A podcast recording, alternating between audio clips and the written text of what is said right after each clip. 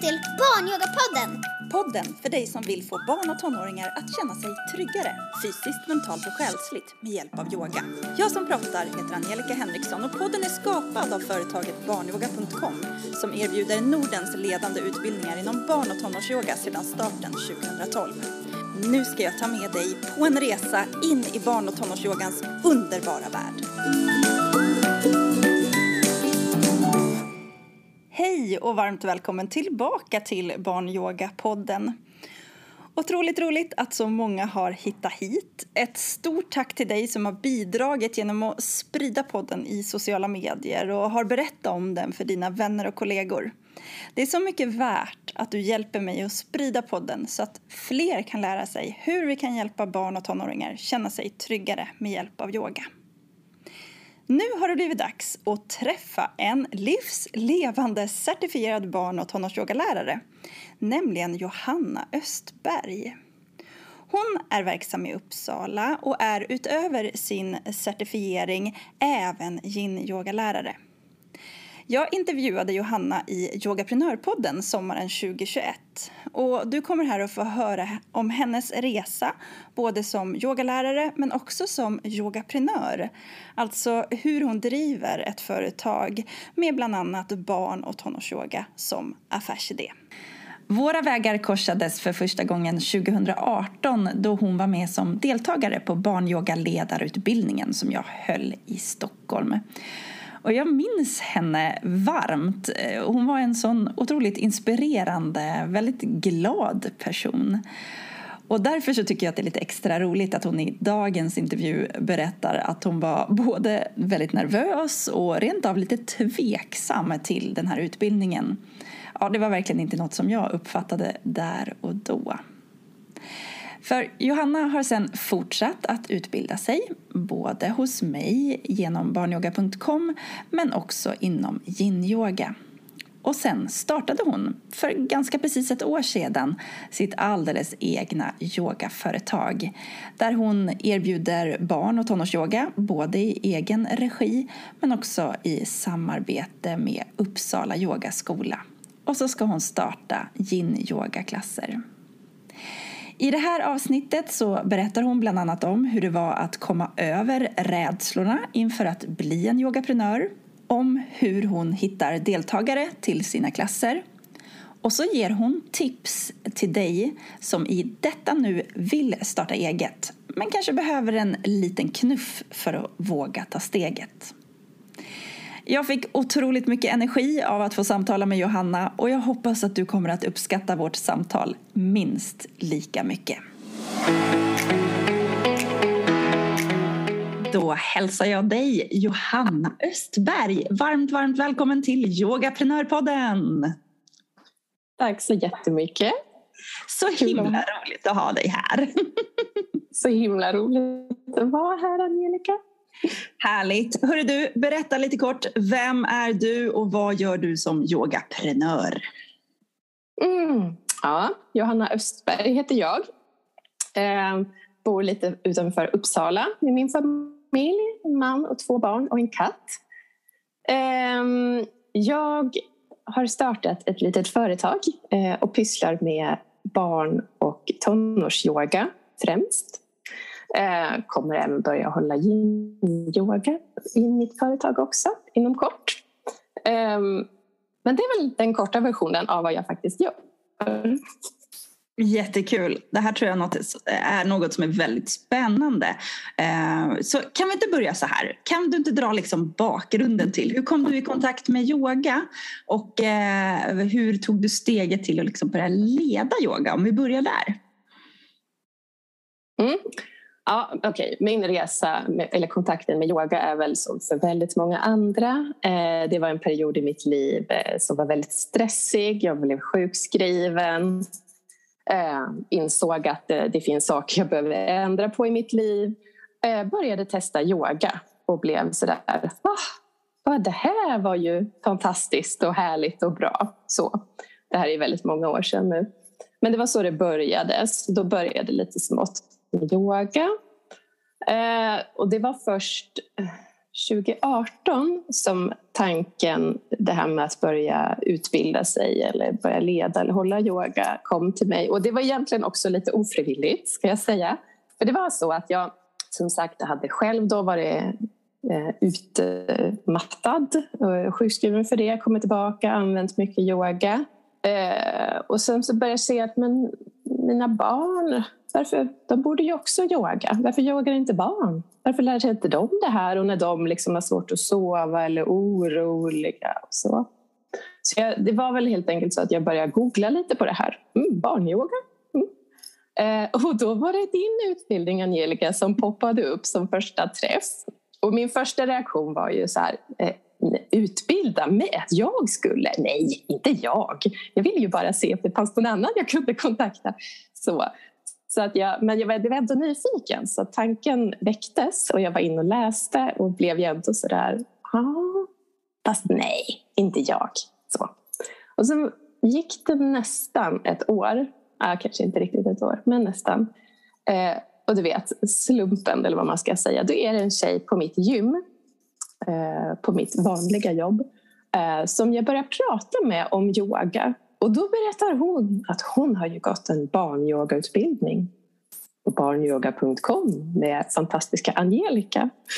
Som pratade jättevarmt om dig eh, och sa det att ja, men det, här, det var fantastiskt, man fick lära sig himla konkret och, liksom, och jag använder det här på mina barn. Och då kände jag att nej, men nu, nu, nu, nu har det kommit för många tecken här nu så nu är det dags att ta tag i det här. Så då lite nervöst och motvilligt anmälde jag mig till den här barnyogaledarutbildningen och eh, kom och träffade dig. Det var första gången i vad var det, augusti eller september 2019. Ja, jag minns inte om det var augusti. Det var september. Det var september. Ja. ja, och jag minns att jag var där och jag var, där, och jag var så nervös och kände fortfarande att vad håller jag på med? Jag, ska, jag kan inte vara någon yogalärare. Men ja, visst, jag gör det här och ser vad jag kan använda på mina barn så får vi se. Men det är klart att det ändå fanns en liten, ett litet frö och tänkte att ah, men, men tänk om ändå. Men vi får se. Så jag hade inte så stora ambitioner från början. Men gick utbildningen och, och kom ju därifrån och var alldeles pepp. Verkligen. Och kastade mig hem och började direkt testa på, på min egen äldsta dotter som då var, var hon nio då kanske. Och hon blev alldeles oj, wow, det här var ju superhärligt. Ja. Så, så jag började ju då jag tog någonstans då beslut efter några månader och när jag var, hade fått eh, mitt diplom då var, var redo att Eh, starta en liten kurs eh, med barnyoga här i området där jag bor i ett församlingshem. Ett väldigt fint, mysigt församlingshem. Eh, så liksom prova på lite sådär. Och det kom ju barn och de tyckte att det här var fantastiskt.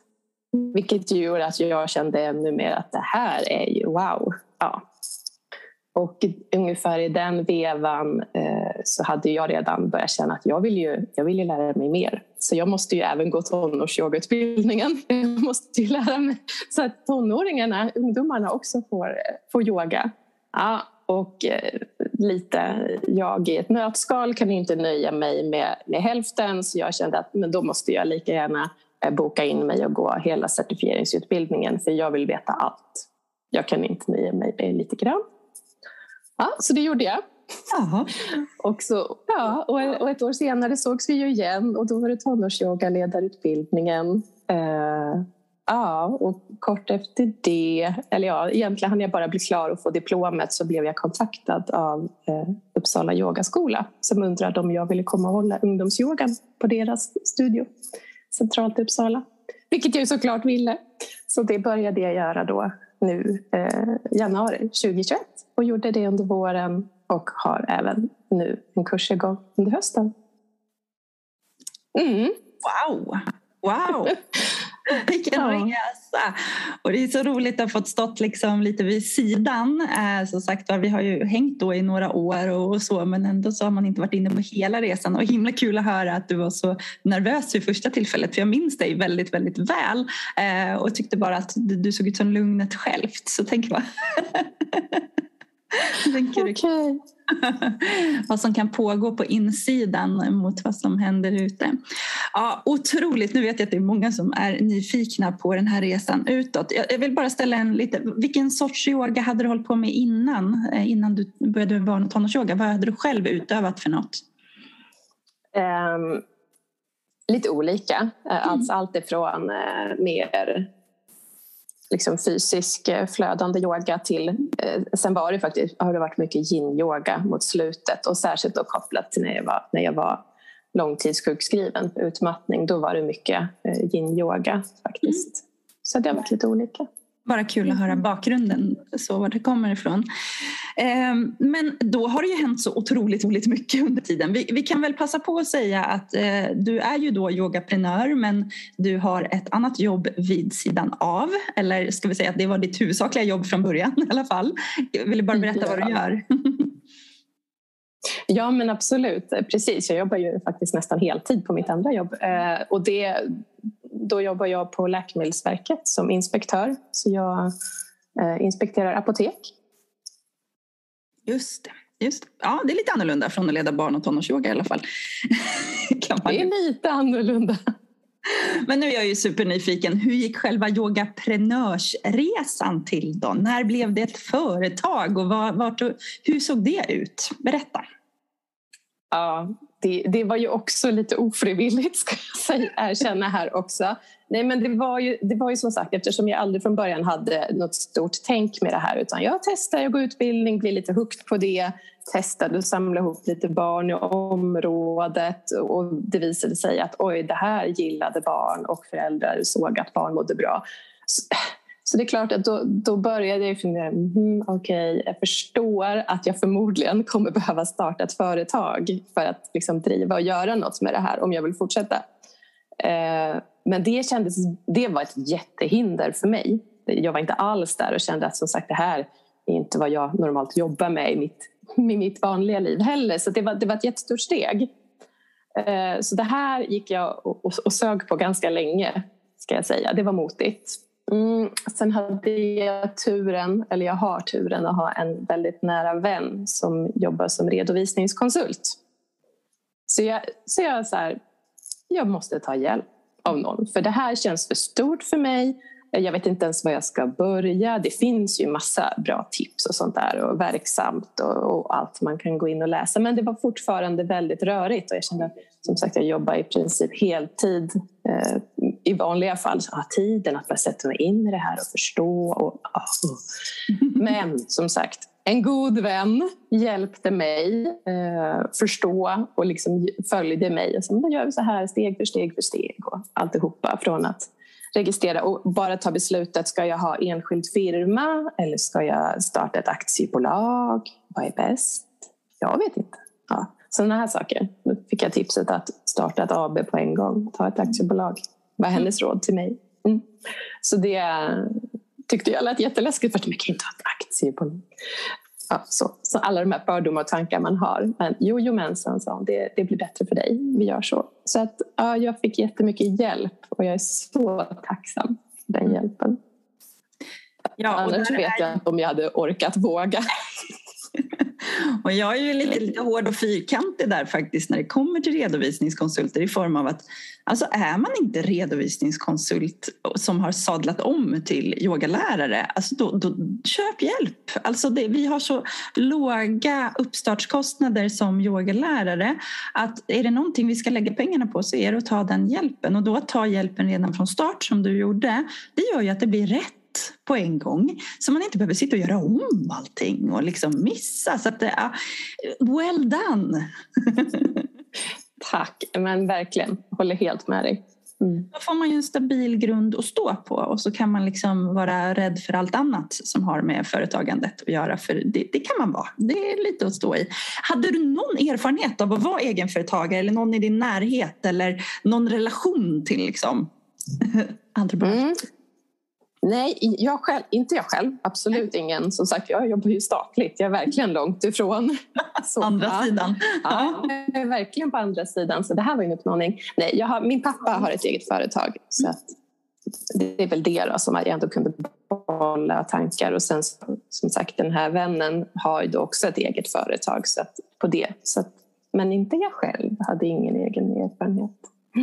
Vad hade du för uppfattning? Var det så egenföretagare är svårt att vara eller, eller det är coolt att vara? Eller vad, vad hade du för känsla innan du tog steget? Liksom? svårt, tänkte jag. Jag tänkte så oj, wow, vilket ansvar. Gud vad läskigt. Nej, oj, jag vet inte ens vad jag kliver in i. Men också lite coolt. Så att det finns olika känslor kopplat till det. Absolut. Mm. Och när blev det här, när är AB registrerat då? Eller liksom när gick det i, i lås ungefär? Vet du, det är ganska precis ett år sedan. Det är, oh gud, vad var det, 25, var det 25 oktober? Eller, ja, någonstans där. 2020. Ja. Ah, så det är typ ett år sedan. Då får du ha ett litet ettårskalas. Vi får inte glömma att fira saker som yogaprenör. Det är väldigt, väldigt viktigt. Helt rätt. Okej, okay, så ABet är igång. Om du då så här ett, med ett års erfarenhet nu, eh, rikare, sitter här på andra sidan och det är någon som sitter i dina skor just nu och är liksom rädda och tycker att det är lite läskigt och svårt och så, fast också lite coolt som du säger. Eh, skulle du vilja skicka med något tips? Någonting som gick bra eller så? Är det något du vill ha med? Skicka med. Var det lika ja, läskigt? Nej, det var inte det. Jag det skulle precis säga det. Det var faktiskt inte så läskigt. Du vet, det är ofta de här tankemonstren vi har. Att så här, det här känns jätte... Det här kommer vara jättesvårt och jätteläskigt. Det kommer vara massa saker som, som bara går fel och du vet alla tankar man kan ha. Men nej, det gick ju faktiskt väldigt smidigt. Och så, men som sagt, tipset skulle väl vara att se till att prata med någon som kan ta hjälp och liksom ha någon att hålla i handen. För det var lite det som jag kände att det var det som gjorde att jag vågade ta de här kliven. Jag hade någon att hålla i handen. Ja, och det, det är så värdefullt. Ja, så, så värt. Det spelar ju nästan ingen roll hur duktiga de här äh, verksamt.se och de liksom, man, man, är, man är ute i en helt annan värld vare sig man jobbar statligt eller inte. Ja, vad kul att höra. Stort grattis äh, på ettårsdagen här då. Är, vi ser någon liten tårta eller något kanske, vem vet. Ja. um, Men då, blev det ju, då startade du upp, men du hade ju då förmånen att du hade börjat leda innan och faktiskt sett att det fanns ett behov eller en efterfrågan, eller hur? Eh, hur hade du nått ut där innan du startade? Var, liksom, var, rent konkret, liksom, var, lappar på byn eller vad, vad gjorde du för att nå dessa barn och tonåringar? Mm. Ja, men precis. Eh, nu bor ju jag i ett liksom väldigt litet villaområde utanför Uppsala. Så det var ju, rent konkret så är det ju kompisar till mina barn och liksom föräldrar jag känner i området. Det var så det började. Jag började prata lite med folk. Men vad tror du? Jag tänkte gå en yogautbildning. Ha, barnyoga, men vad det? Så, så det väldigt konkret var det att jag pratade, snackade runt och sen när det väl blev att jag bokade då det här församlingshemmet för att testa fem gånger, det var mitt allra första eh, nervösa försök. Att, ah, okej, okay, men fem gånger eh, testar vi. Då la jag ut det som ett litet evenemang. Vi har en Facebookgrupp här i området, villaområdet. Mm, där jag sa ja, barnyoga och, och berätta lite vad det är, vad kommer vi göra och sådär. Och och det var så som jag visade att det här fanns. Sen har det fortsatt. Eh, och, ja, nej, men det är faktiskt väldigt roligt för att bara som nu då, ett år senare, eller ja, drygt ett år senare mm. så hade jag inte kommit igång med någon barnyoga i det här församlingshemmet nu under hösten av olika anledningar. Och då var det föräldrar som kontaktade mig som tidigare då har barn som har varit med som att blir det någon barnyoga mm. i, i höst eller hur blir det? Och du vet man blir så varm i hjärtat så då, och, så då var jag, nej men gud det är klart att vi, ja, låt mig kolla lite på datum och återkomma. Så, så att vi ah. ska ha en som börjar snart, börjar på, i november. Mm. Vad roligt, vad kul! Och jag blir så glad. Jag pratar ju mycket om att man, man behöver ha ett, ett community liksom innan man drar igång. Man behöver ju se att det finns ett, en efterfrågan. För att det, man kan ju säga att du gick utbildningen utifrån att det fanns en efterfrågan för du kände att du behövde, eller ville kunna erbjuda yoga eh, för dina egna barn i första läget. Då.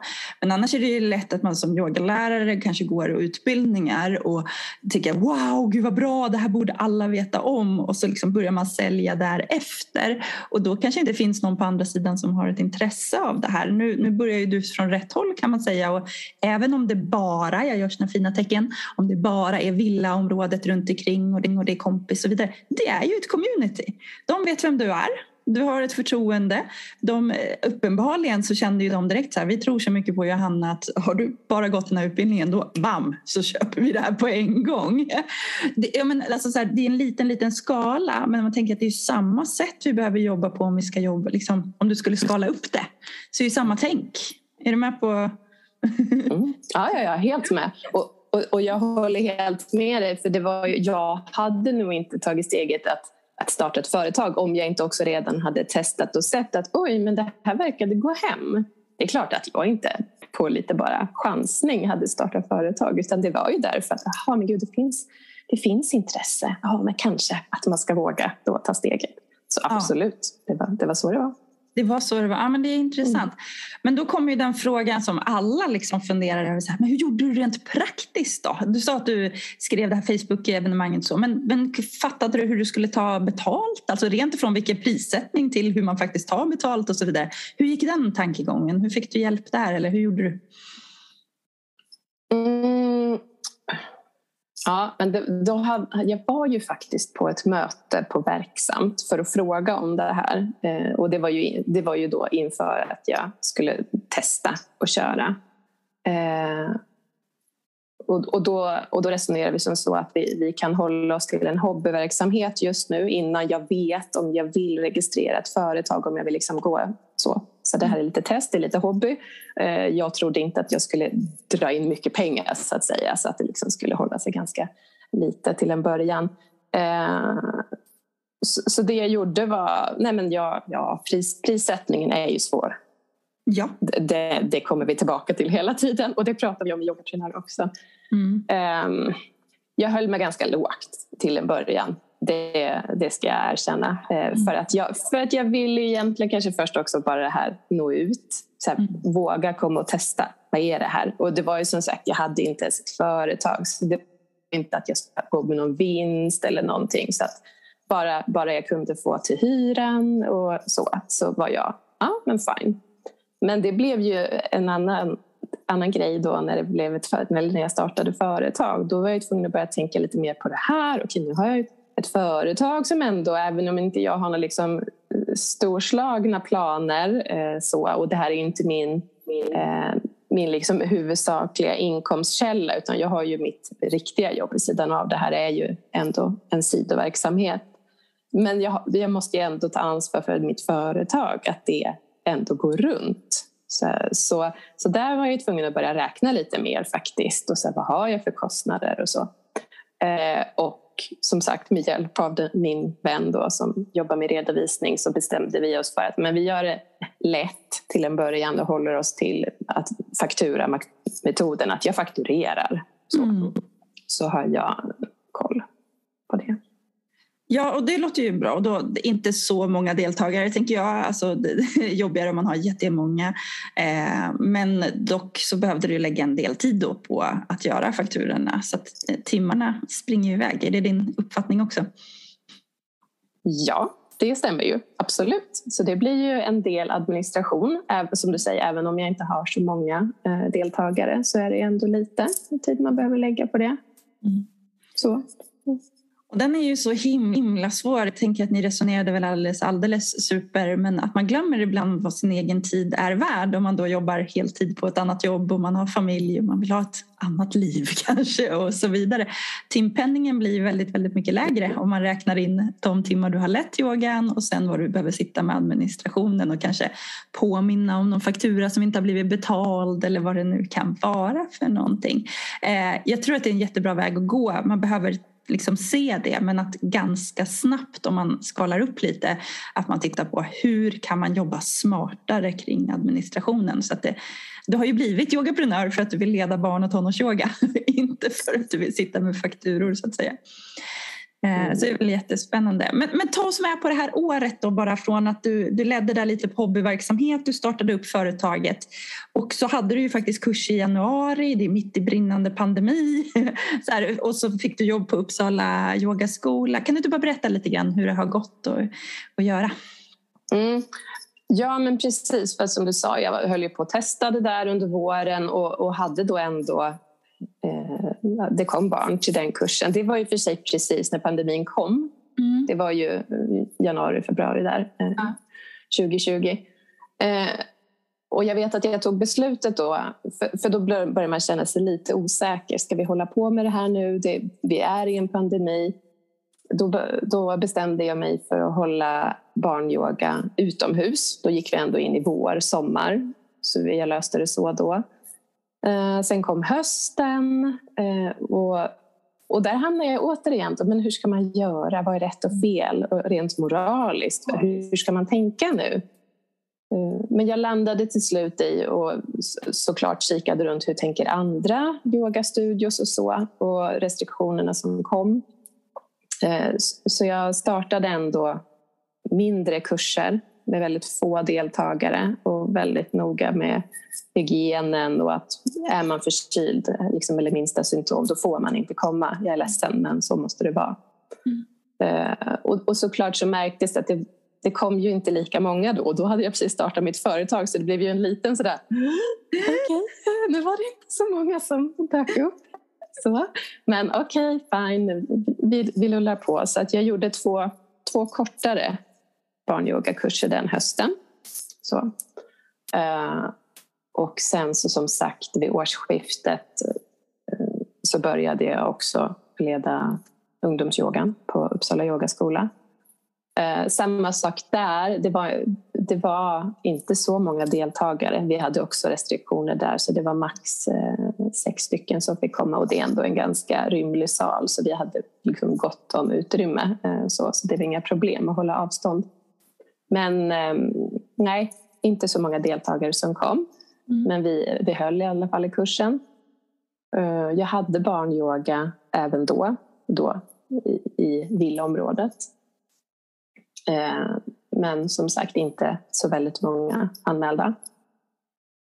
Så att man har väl lite hankat sig fram så skulle jag säga nu under den här pandemin. Eh, mm. Och med restriktioner, att man hela tiden behöver hålla sig, ja, men hur ska vi tänka nu, vad händer nu? Så. Ja, det har ju varit utmanande för oss alla på alla plan såklart. Men som yogalärare så är det, och kanske också som barn och tonårsyogalärare tänker jag, att det är mm det fyller ju en enorm funktion att få gå och yoga. Det, det är ju så himla viktigt men, men i förhållande till vad när det kommer till smittspridning? Jag förstår att det var svårt. Ja, men, och då tänk, precis som du säger, och så hör man då just att bland ungdomar så liksom bara skjuter i taket, oro, ångest och de liksom blir isolerade. Och jag bara tänker själv, tänk att missa sin tonårstid. Man går tillbaka till sig själv. Mm. De har liksom två år som de tappar. Eh, jag vet inte ens hur det skulle kännas. Och vad är deras? Och då tänker jag precis, precis det du säger, men alltså på ett smart sätt. Men tänk att då kunna erbjuda dem ungdomsyogan. Att det finns, det finns verktyg. Alltså du kan lära dig saker för att och ta med dig hem. Och det, är ju, och det kanske är en av utmaningarna, att nå ut, känner jag, till ungdomarna. För jag kan Eh, jag försöker hålla mig hyfsat aktiv på Instagram och liksom lägga inlägg och berätta om vad jag gör och sådär. Men, men det känns som att man har dubbelt upp. Dels så pratar vi om ungdomar som kan vara svårflörtade bara by nature. Så. Rent krasst. Eh, jag menar att testa någonting nytt. Om du, aldrig, om du inte vet vad yoga är, att liksom ta steget, gå dit och testa och prova. Det är kanske inte alla som bara, ja absolut, det gör jag. Så det är en utmaning. Men sen också att eftersom de inte själva det är förmodligen föräldrarna som då liksom, ah, okej, okay, men jag bokar in dig, betalar för den här kursen. Så. Då ska man ju också nå de föräldrarna. Eh, och antingen så tycker de att det här verkar bra eller inte men man kan vända på det också. Att det kan vara, föräldern tycker att det här låter ju toppenbra. Jag tror du skulle behöva det här. Du som ja, man har svårt med sömnen och sover dåligt och allting. Kanske testa lite yoga. Men eh, att få dit sin ungdom då? Att de ska vilja gå dit. Så det känns som det, det där är en utmaning eh, och jag skulle så gärna vilja att de bara kom och provade. Mm. För att det jag ser, de som är med, det är ju det de säger. De är ju så förvånade att oj, nej men jag visste inte ens att man kunde känna så här. Oj, och, och jag använder de här andningsövningarna när jag ska eh, liksom komma till ro och då kan jag somna, jag som brukar ligga och vända och vrida mig så länge. Och nu så bara somnade jag. Men du vet, om, man bara, om de bara visste. Alla andra ungdomar där ute. Om de bara visste. Jag kan få dra en liten parallell här. Eh, Studio Karma som är min gamla yogastudio. När Sofia som köpte studion av mig när jag sålde för två och ett halvt år sedan Eh, hon fick ju till ett samarbete med den lokala gymnasieskolan, det Stora Rodengymnasiet. Så de har ju en yogaprofil på gymnasiet vilket betyder att om man, det spelar ingen roll vilket program man väljer men man väljer sen en profil som, som en inriktning. Så vare sig du går natur eller sam eller el eller vad du nu gör så väljer du en profil och då kan det vara träning och det kan vara andra saker. Och nu då så kan man välja yoga. Och nu är de drygt 30 30 personer, eh, 30 ungdomar som kommer hit två dagar i veckan för att yoga på skoltid. Och de får alltså betyg i det här så det är ju inte bara yoga utan de får också lära sig lite grann kring yoga. Vad handlar det om? Hur kan man använda det? Eh, det handlar lite om att liksom, ja, förstå helhetsgreppet. Och det roliga med den här, det här är andra året de startar, det är att det är flest killar och jag sitter ju här på kontor och hör när de dundrar in, för det låter när drygt 30 ungdomar kommer in i salen. Eh, vi är vägg i vägg. Men de, några av dem har ju valt det här för att det kanske var ett litet slacker-profil, alltså lite lugnare, de slapp göra någonting. Men nu ett par liksom, månader in, de är ju helt lyriska. De kommer till tillbaka, de berättar hur skönt det är, de berättar hur häftigt det är. Och det är inte lätt att flirta med, med tonåringar som kanske inte är här av, ja de är här av egen fri vilja men de kanske är här för att det var lättare än något annat och ändå får de. Så att visst är det coolt? Ja men så coolt! Ja, jag blir alldeles lycklig när jag hör det. Ja. ja men wow! Och jag tänker att det här bäddar för yogaprenörer som dig. Att det, liksom, det, blir en, en, eh, det blir en snackis. Man pratar om det, det blir mer eh, föräldrar får reda på det. Det kanske gör att föräldrarna tycker att det är lättare att erbjuda. Eh, och sen, jag slänger ut den här affärsidén för jag tycker att det är en fenomenal affärsidé som jag själv inte kommer springa på. Eh, och det är ju så här, den som erbjuder tonårsyoga på tonårssätt, tonåringens sätt, det vill säga kanske köra live-yoga online klockan halv tio på kvällar i form av en, eh, lugn och ro-yoga hemma i sovrummet innan man går och lägger sig till exempel. Alltså, eh, eller ordnar program som man kan lyssna på om man vaknar på natten och tankarna snurrar och att det fortfarande är den här anpassade yogan som, som du och de andra certifierade barn och tonårsyogalärarna faktiskt är liksom utbildade för att göra. Ska du sno den affärsidén? Mm. Tack! Den där satte igång tankar. ja, jag önskar... Nej, men det, det är klockrent. Nej, men, och jag, just tanken det här med i alla fall att ha online. För att, som sagt, nu håller inte jag sent på kvällen det passet jag har. Men vi ändå liksom nu, särskilt nu i höst har vi testat att ha det online också, att koppla på Zoom. Och min tanke var just det att det kanske är klivet att våga komma kanske inte är lika stort. Om, om du är helt så jag vet inte vad yoga är och det känns lite pinsamt att komma dit och vilka andra är där och de kanske redan vet och jag vet inte. Ja, jag kan bara tänka mig alla tankar som en tonåring. Men att då så här, okej, okay, jag kan få stå hemma i mitt rum eller mitt vardagsrum eller var som helst eh, via Zoom. Jag kan stänga av kameran till och med. Den där yogaläraren behöver inte se vad jag gör. Jag kan titta på henne och följa med. Alltså du kan, du kan så jag tänker att det klivet att ändå våga komma skulle kunna bli så mycket mindre. Att ja, men bara koppla upp dig, var med, känn, känn lite. Jag tror att det är klockrent, verkligen. Jag tänker också att det är väl en tid i livet när man kanske inte är bekväm med sin kropp. Det händer så mycket saker. Att bara det, slippa visa sig på det sättet. Eh, att det kan vara en brygga till att sen komma till yogan som du säger. Exakt. Men jag ser en problematik eller en, en försvårande faktor just när det kommer till tonårsyoga online och det är ju att, du har redan varit inne på det, vår målgrupp, om vi yogaprenörer jobbar med tonårsyoga så är ju vår målgrupp föräldrar. Det är ju mm. de som kommer betala, det är de som kommer ta det av slutgiltiga beslutet så att säga. Vi har ju då en väldig resa i att ingiva ett förtroende hos, eh, alltså både kanske undervisa, utbilda föräldrarna i vad det här är för någonting. Sen behöver de ju få förtroende för just dig, för det är ändå någon de kanske då ska släppa in i sin tonårings sovrum sent på kvällarna. Är du med på tänket? Ja, verkligen. verkligen. Ja. Mm. Eh, så jag tror också att, att marknaden för det är alltså, bygger man upp det där och jobbar med den marknadsföringen så, eller liksom verkligen bygger upp sitt varumärke kring det, då tror jag att det finns någonting att göra som är så jäkla, jäkla bra. Så jäkla, jäkla bra.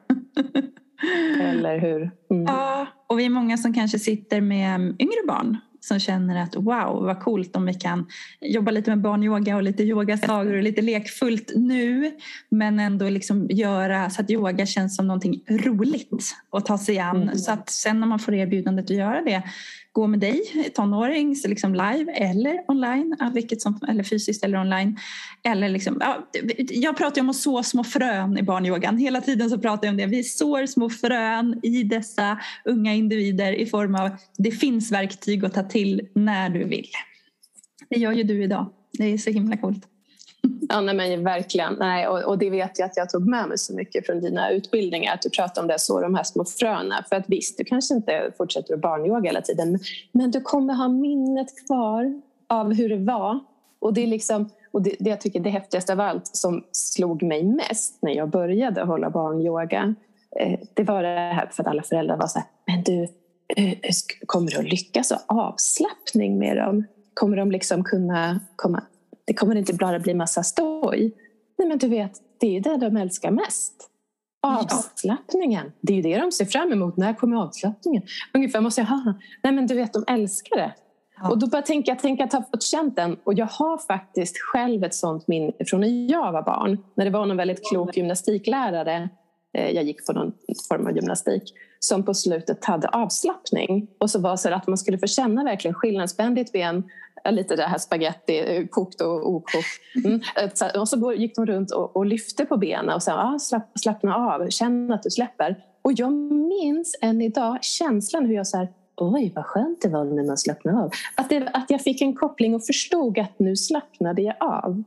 Och jag minns det än idag. Och jag tänker att det är precis det man vill att även om du inte fortsätter i all evighet så har du fått det här med dig. Du, kroppsminnet, hur det är när jag slappnar av och hur skönt det kan vara. Det är helt fantastiskt. Jag har faktiskt ett liknande minne också. Och eh, om vi ska ta det till, alltså barns och ungdomars hjärnor är ju mer plastiska. Vi lär oss saker fortare, vi sätter kopplingar och spår mycket, mycket tydligare. Vilket ju gör att när, det, när vi har fått testa på det så behöver vi faktiskt inte upprepa det så många gånger men ändå kommer vi ihåg det sen när vi blir vuxna.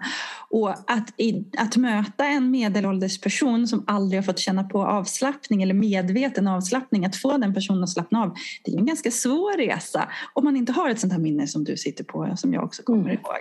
Så att, ja, wow, tack för att du delar, vad, vad roligt att höra. Det, man blir ju alldeles superglad. Vi kan väl bara berätta för de som inte liksom har kontakt med barnyoga.com att det finns ju då grundutbildningar som är barn och tonårsyogaledare som verkligen så basic, basic i form av vill du komma igång och börja leda. Och sen finns det en certifieringsmodul eh, eller utbildning som är tillsammans med Josefin Wikström där vi tittar på lite mer hur yoga kan funka som ett komplement till annan behandling när det kommer till överväldigande känslor, panikångest, ångest, ehm, depressioner, koncentrationssvårigheter och så vidare. Kan du berätta något vad du tyckte var skillnaden? Något som du kände så här, varför, varför du säger att du är en all in människa men är, är, du nöjd att du gick vidare till certifieringen? jag är så nöjd. Och jag, precis, jag, är en, jag måste veta. Eh, jag är väldigt vetgirig. Eh, och jag är så nöjd att jag gick certifieringsutbildningen och liksom fick ännu mera djup i det det kunde liksom, fler delar kunde falla på plats, känner jag. Så jag, ja, det gav mig jättemycket. Mm. Mm. Vad roligt. Mm. Men jag måste passa på att säga en sak om dina, alltså själva de här grundutbildningarna. Det som är så klockrent med dem, det är just att, för jag minns som sagt än idag hur jag gick därifrån den här helgen första gången jag var nervös och så, att det var så här, nu går ni hem och redan inom några dagar så ska du ha testat att leda på något sätt, lite grann. Uh, och det var ju så åh oh nej, okej, okay, ja, men jag gör väl det då. Men om, om du inte du hade varit så tydlig i dina de utbildningar att man skulle göra det, då hade det kanske blivit så att jag hade lärt mig det här men aldrig liksom vågat omsätta det i praktik. Så att det, det är väldigt klockrent med de grundutbildningarna att du kommer igång, du vågar testa. Eller du tvingas in och göra det, det är läskigt men du gör det. För annars hade, ja, men då hade inte de här barnen i det här, liksom, vårt församling, de hade inte fått testa det för jag hade inte vågat. Jag, jag blev ju tvungen hem och börja testa, börja prova det. Så, oh, vad glad jag blir. Angelica. Tack snälla, vilken bra feedback. Eh, jag sitter där, jag, brukar, jag har fått feedback på varm järnhand. Det låter i alla fall som någonting snällt tänker jag. Men, men jag vet också hur det är, framförallt när man går en utbildning som känns så behjärtansvärd, barnyoga. Och så går man därifrån peppad och fylld och bara ja, jag ska göra det här. Och sen kommer vardagslivet som en käftsmäll. Och bara när, när ska man hinna med? Så jag tror på det där och det är jättekul att du ger feedback på det. Jag är lite hård på tiderna, jag, jag säger kom igång på en gång och så vidare. Och det är ingen idé att dra ut på det längre än tre månader. Man har tre månader på sig att bli deprimerad men det är ingen idé att dra ut på det längre för det blir inte av i så fall. Så att, ehm, ja, tack! Och det är ju så roligt att liksom, vare sig man har gått utbildningen för sin egen del, för sina barns skull eller om man går till församlingshemmet eller faktiskt tar ett jobb på en yogaskola som du har gjort. Så för varje barn, varje, varje tonåring man möter så sår man ju ett litet frö och gör en liten insats. Så det är grymt. Det är riktigt grymt. Och jag är jättenyfiken på det här eh, med Uppsalas eh, yogaskola. Hur funkar samarbetet där? Hjälps ni åt eller arvoderar de dig? Eller hur funkar det med marknadsföring? Vill du berätta lite? Det du kan. Mm. Ja men absolut. Nej, men vi har ett jättebra samarbete och jag tycker att vi vi liksom hjälps åt att marknadsföra. Att vi, jag är, försöker sagt själv vara väldigt aktiv eh, på Facebook och på Instagram och lägga ut vad, vad det är och försöka så mycket jag kan beskriva och liksom måla upp det så att man kan förstå för den som inte har varit där och inte ja, vet riktigt vad, vad, vad då ungdomsyoga. Så försöker jag ja, så, så, gott jag kan beskriva vad vi, vad vi pysslar med och vad man kan känna. Så. Eh, och även då, de delar också inlägg och evenemang. Och så, så jag tycker vi, vi samarbetar väldigt bra. Men ja, det är arvode, eller jag fakturerar från mitt företag eh, de timmarna som jag leder där. Och nu ska vi ju försöka oss på också med lite yin-yoga. Så det har jag precis lagt ut. Så det är mitt nästa steg också. För nu har jag ju gått utbildning i yin-yoga också. Seasonal yin-yoga heter det. Mm. Så nu ska vi testa och se. Då är det målgruppen vuxna, precis. Exakt. Det är väl mitt andra, men som sagt allt hänger ju lite ihop med mitt andra hjärtebarn. Liksom det här med eh, utmattning och stress och det, eftersom jag var igenom det själv. Använde mycket yin-yoga så, så, så var det en yin-yoga-utbildning som jag gick. Och nu tänker jag att då söndagkvällar ska man få komma och ha det lite skönt. Och lite yoga nidra på slutet, tänker jag. Jag kände direkt hur skönt det var. Ja. Mm. ja, men och där får du också trovärdighet, tänker jag. Att eh, du kommer ifrån en egen erfarenhet och att du har sett vad det har gett för någonting. Då blir ju trovärdigheten mycket, mycket större för, för man ska gå yin-yoga hos just dig och inte hos någon annan. Så det låter väl som en, en toppengrej att göra. Va, vad kul! Jobbar du fortfarande heltid eller hur får du ihop eh, liksom, livspusslet? Mm. Jag jobbar 90 90 procent jobbar jag.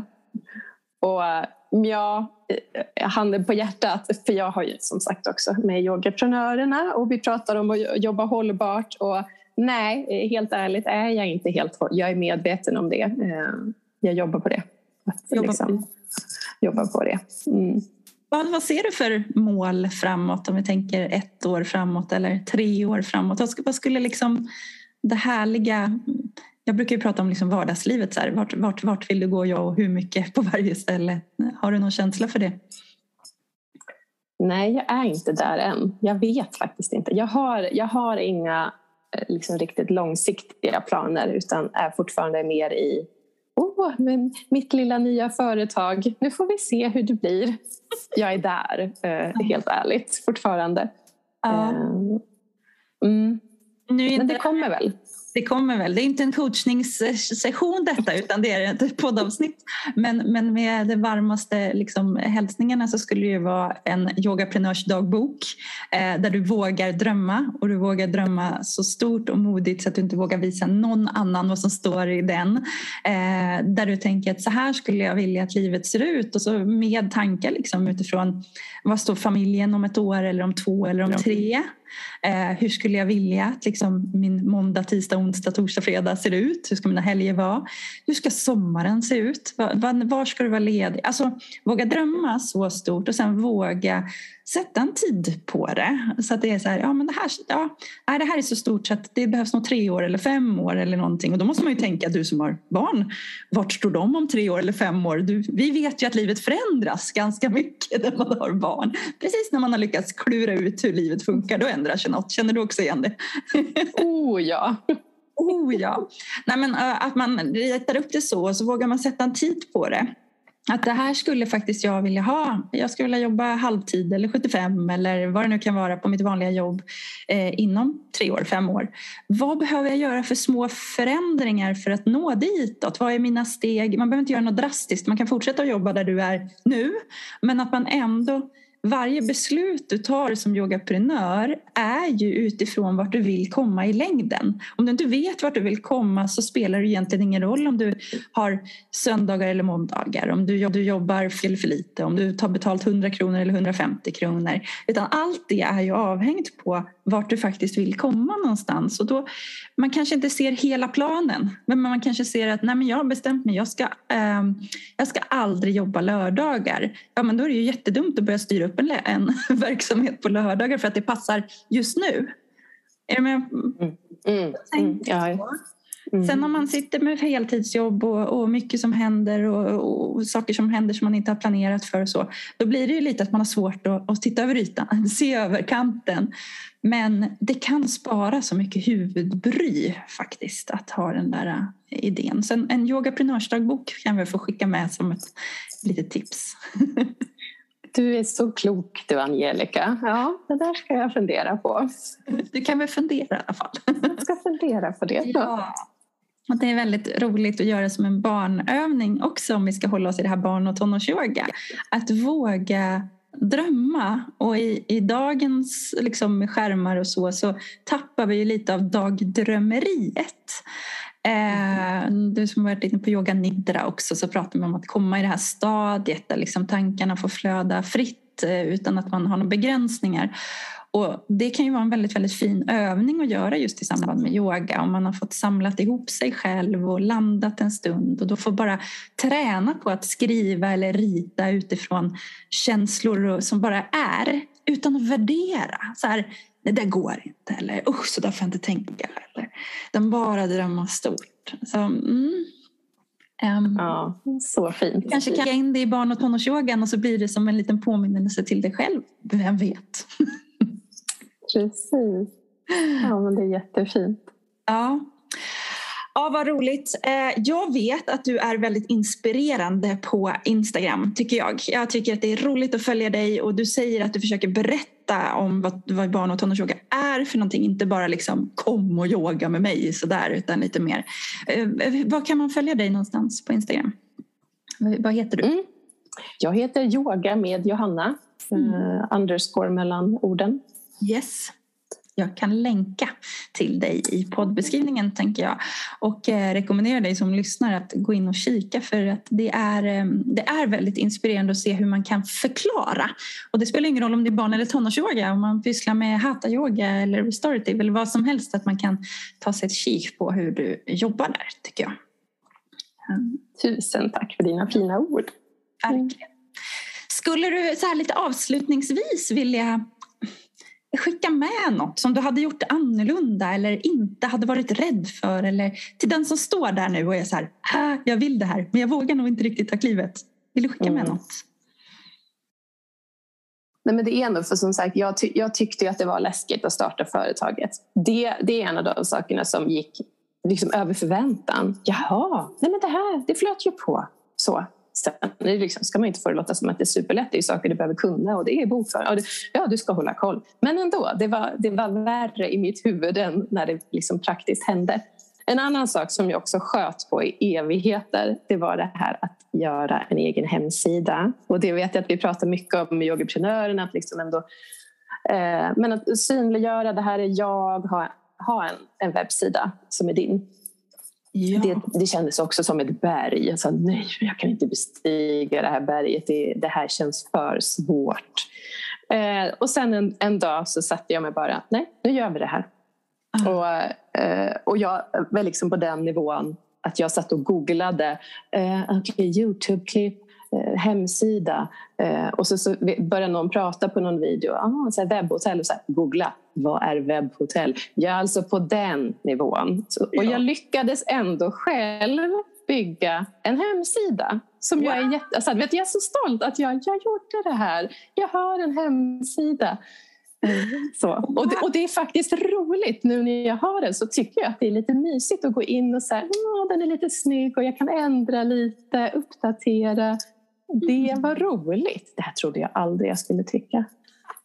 Vad roligt! Ja, men det är ett litet cyberhem brukar jag säga. Liksom, här, skapa dig ett litet hem där, en liten oas för dig själv och din verksamhet. Mm. Vad heter din hemsida? www.brightsideoflife.se Jajamän, nu måste vi in och titta allihopa, eller hur? Mm. Ja, sett den, men ni som lyssnar. Ja. och jag kan skicka med så här, du och jag har jobbat lite i Yogaprenör tillsammans också eh, mm. och det, låter som ett reklaminlägg här nu då men just det är så många som sitter precis där du är. Jag vill ha en hemsida, jag förstår att jag behöver en men hur fasiken kommer jag igång utan att investera miljarders med pengar och tid och så. Och eh, sen i som, somras så har Yogaprenör plattformen som där alltså, du som lyssnar kan gå in helt gratis och registrera dig och bara så här, det är en jätteenkel hemsidebyggare där man drar och släpper och det finns mallar och så kan man bara skissa upp någonting. Det kostar ingenting eh, utan det är först när du bestämmer dig för att ja, den här hemsidan vill jag ha, jag vill publicera den. Då, då eh, bestämmer man sig för vilket paket man vill ha. ha. Så att vill göra det ännu enklare än vad Johanna gjorde så finns det där. Men kul att höra. Jag tycker också att en hemsida ändå samlar mina, mina tankar lite grann också. Eller hur? Mm. Ja, verkligen man visar vad man håller på med för någonting och, och skriver ner och måste konkretisera och skapa klarhet för att mm. kunna göra det. Så vad, vad kul, vad, vad duktig du är. Och nu vet du vad ett webbhotell är. Men, ja. men jag tänker att den största lärdomen kanske också är att nästa gång det kommer ett sånt här stort berg och någonting du måste komma över så går det faktiskt att googla sig eller, eller köpa hjälp som du gjorde med redovisningskonsulten. Men precis, Nej, men det är det att bara liksom våga ibland, bara testa lite. Ja. Mm. Ja, vi låter nästan det bli slutorden tänker jag. Våga testa, våga göra. För herregud, jag hoppas att du som lyssnar kände att det här var superinspirerande för jag kände mig alldeles påfylld här. Tack Johanna! Verkligen. Tack Angelica, det var jätteroligt. Ett stort lycka till nu. Andra restriktioner som gäller, eller inga restriktioner är det ju, vilket gör att det kan öppna upp för annat. Lycka till med yin-yogan. Och så ska det bli otroligt kul att se vad du hittar på för något här framöver. Mm. Tusen tack. Jag hoppas att du uppskattade vårt samtal och har fått med dig nya kunskaper och inspiration från dagens avsnitt. Är du också nyfiken på att bli certifierad barn och tonårsyogalärare för att hjälpa barn och tonåringar att känna sig tryggare fysiskt, mentalt och själsligt så tycker jag att du ska kika in på barnyoga.com där jag har gjort en film som berättar om upplägget av våra utbildningar. Se den gärna. Kanske blir du också certifierad barn och tonårsyogalärare som Johanna. Och om du är nyfiken på att ha barn och tonårsyoga som affärsidé då tycker jag att du också ska kika in på yogaprenor.se och lyssna på Yogaprenörpodden som du hittar där poddar finns, till exempel på Spotify. Jag hoppas att vi möts här i Barnyogapodden redan nästa avsnitt. Till dess, kom ihåg att du är betydelsefull, älskad och alldeles, alldeles tillräcklig. Precis som du är.